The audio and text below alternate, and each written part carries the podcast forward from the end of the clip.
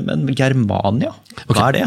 Germania er den hovedstaden som Adolf Hitler ville bygge for Det tredje riket.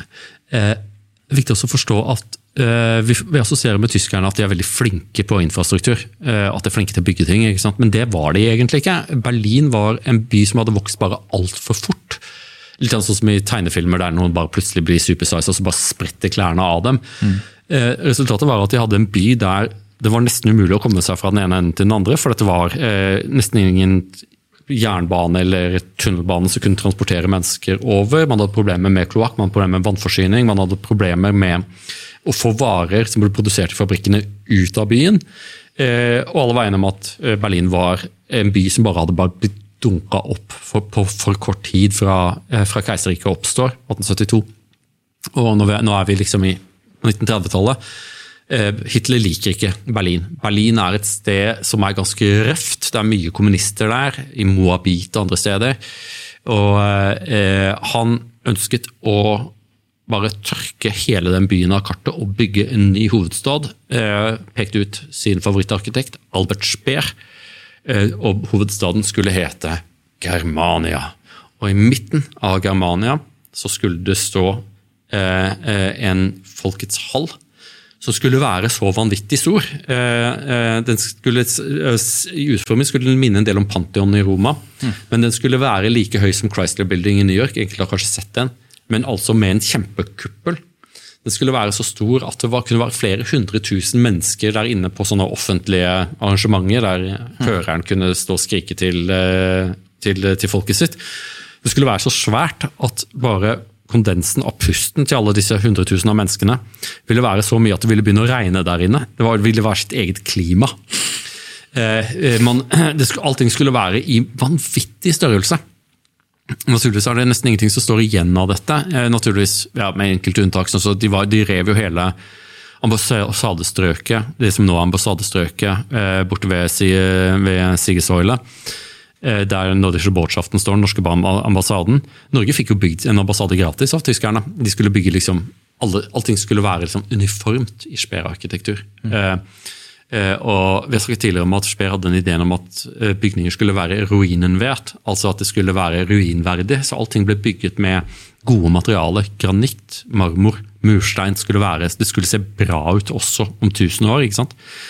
Eh, eh, og så skulle man bygge en gigantisk eh, seierssøyle for eh, eh Gråfas, gråste feltherren alle Zeiten, som Hitler kalte seg selv. Eh, alle tiders største feltherre. Eh, og en av de få tingene som står igjen av eh, Germania, er en liten bit av nettopp eh, denne seierssøylen. Mm. For i Brandenburg så er det veldig sånn sandjord, myr og sand. og så måtte de forsøke å finne ut hvordan kan vi unngå det skjeve tårnet i Pisa-problemet? At man ikke at fundamentet ikke er sterkt nok, så hele greia begynner å synke. ikke sant? For det var ikke, det var ikke steinbunn.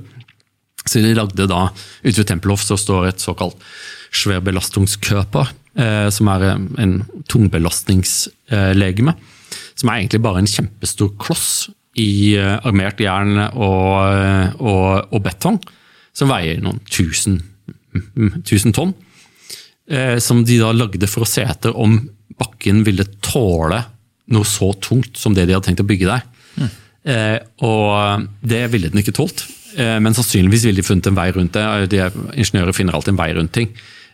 Men, så den begynte å synke, men de tapte jo krigen. Og så tenker vi, ja, men hvorfor står den der fremdeles? Jo, for den er så solid, solid bygd at de veit ikke hvordan de skal ødelegge den. yes. det, går å, det, går ikke an å, få sprengt den, den er bare for solid. da. Yes. Eh, så den står der eh, og er grå eh, utafor den tidligere flyplassen Tempelhof. Men, men er Ligger noe over den, eller er den dekk til? eller hvor Kan man få gå oppå den? eller hva? Så som Da jeg var der, så, så fikk jeg en, en tysk kamerat som, som, som, kjente noen i byforvaltningen, som vi fikk nøkler. Og så gikk vi inn. Det er liksom bare det er litt sånn bunkers, liksom. At det, er liksom, rust, rust, rustne trapper, ingenting å se. Bra ekko. Eh, den er, ikke, den, den er, hul, men ikke veldig hul. Eh, veggene må være noe sånn så sju meter tykke eller noe sånt. Så, eh, så ja, herre jemini, helt riktig. men på, liksom, Berlin, er, Berlin er et spesielt sted. Digger Berlin. Eh, er, på 100 år så har Berlin vært hovedstad for fem ulike riker. Først Prøysen, så, eh, så kongeriket Prøysen, så det samlede Tyskland, så Det tredje riket, så Øst-Tyskland og Vest-Tyskland, og så, eller DDR, var det hovedstad i. Og så var det, nå er, I dag er det en hovedstad for Det forente Tyskland. Eh, og Berlin er en sånn veldig spesiell by, for eh, den har byttet befolkning så mange ganger. Eh, etter at eh, Berlin igjen ble fritt og ble eh, hovedstaden i det nye Tyskland, så flyttet 1,7 millioner mennesker ut av Berlin, og 1,7 millioner flytta inn. Så det er, ikke, det er, ikke, en by som har noen historie i det levde liv i nevneverdig grad. Det er ikke så veldig mange folk som har liksom, Jeg er femtegenerasjons berliner. Nesten ingen, da. Hmm. Men sånn som Kristoffer Rådlund hadde da malt denne Folkets hall i en sånn utrolig sånn dystopisk sånn, liksom Røyken ligger over deg, mm. eh, hvor da eh, kuppelen, eh, kuppelen, i denne gigantiske greia har blitt sprengt. Eh, det er en betenkning over det tyske nederlaget i annen verdenskrig. En sånn dystopisk, utrolig mørkt maleri, typisk for Christopher Rodlund. Han var eh, en mester, det eneste geniet jeg noen gang har kjent. Har vært så heldig å jeg aldri, jeg, mange, Vi bruker geni altfor lett, da, men Christopher Robin var et geni. Han kunne tegne hva som helst. Eh, og dette var hans bidrag til binalen i, i München. Eh, selvfølgelig så ble det jo litt sånn kontroverser i tyske medier pga. at eh, de er så nevrotiske i forhold til sin egen, eh, sin egen fortid. Mm. Så det faktum at dette var en beskrivelse av det tyske nederlaget og, og den, den visjonen, den umenneskelige versjonen som Det tredje riket var. Eh, det var ikke det de hang seg opp i, men de hang seg opp i ordet Germania. Eh, de, for de ville ikke se Germania på trykk noe sted. ikke sant?